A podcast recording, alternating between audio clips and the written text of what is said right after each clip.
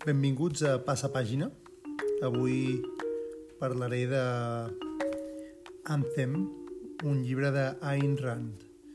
Um, Ayn Rand és una autora del segle passat eh, bastant coneguda per la seva filosofia. Eh,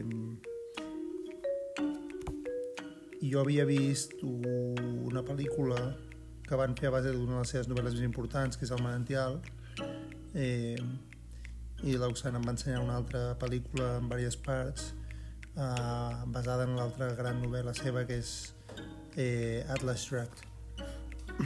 I, I la veritat és que havent vist les pel·lícules m'encantava la filosofia, sobretot el, el Manantial em sembla una pel·lícula dels anys 60-70 molt, molt interessant, i, i per tant em costava voler llegir el llibre un cop havia vist la pel·lícula.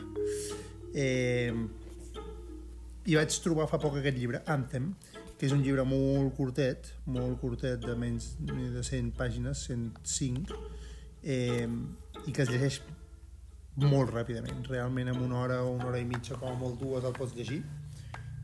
I és un llibre que reflexa clarament les idees dels, dels seus altres llibres. De fet, vaig estar llegint una mica el context d'aquest llibre i mentre es preparava per escriure The Fountainhead, mentre feia la recerca, perquè és un llibre que va sobre un arquitecte i mentre es preparava per saber més sobre arquitectura, eh, va, va escriure aquest llibre i, i el va escriure, diuen, com d'un tirón i, i la veritat és que és una història com de ciència-ficció apocalíptica que ara les pel·lícules ja és com molt popular però aquest llibre, si no m'equivoco, és de l'any 40 o algo per l'estil. Aviam si ho tinc aquí.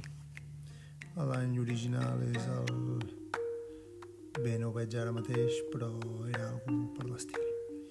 I molt recomanable. És una història com deia de ciència-ficció a l'estil 1984 d'Orwell i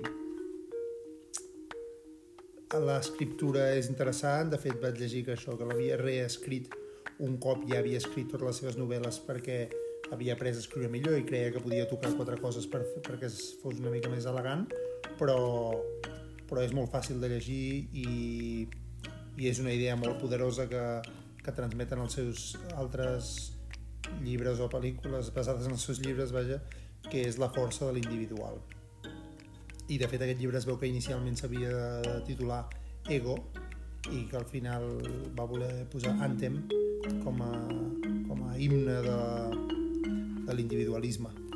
I està clar, a més a més, quan investigues que això és fruit de la seva història personal perquè aquesta autora era russa i va fugir de la Rússia dels inicis de la, bueno, la Rússia comunista i, i per tant tenia una una... era molt crítica amb la idea del comunisme i amb la idea de que el bé comú és millor que el bé individual. Perdó, no ho he dit bé. Que el, tot el que hagis de fer ho has de fer pel bé comú sense tenir en compte el bé individual, podríem dir, no? I que fa que no puguis ser una persona sense ser una comunitat. I, i més en aquell moment tenia tot el sentit del món i crec que és una lliçó que no s'ha d'oblidar i que som primer persones i després eh, societat i que això no és incompatible amb, amb voler construir una societat millor, més igualitària eh, o més justa, eh, però que en el moment en què oblidem que els individuals som els nostres propis déus, eh, comencen a passar coses estranyes eh, que no eh, ajuden a, jo diria, el món a ser un lloc millor, on la gent pot ser persones abans que números dins d'una comunitat.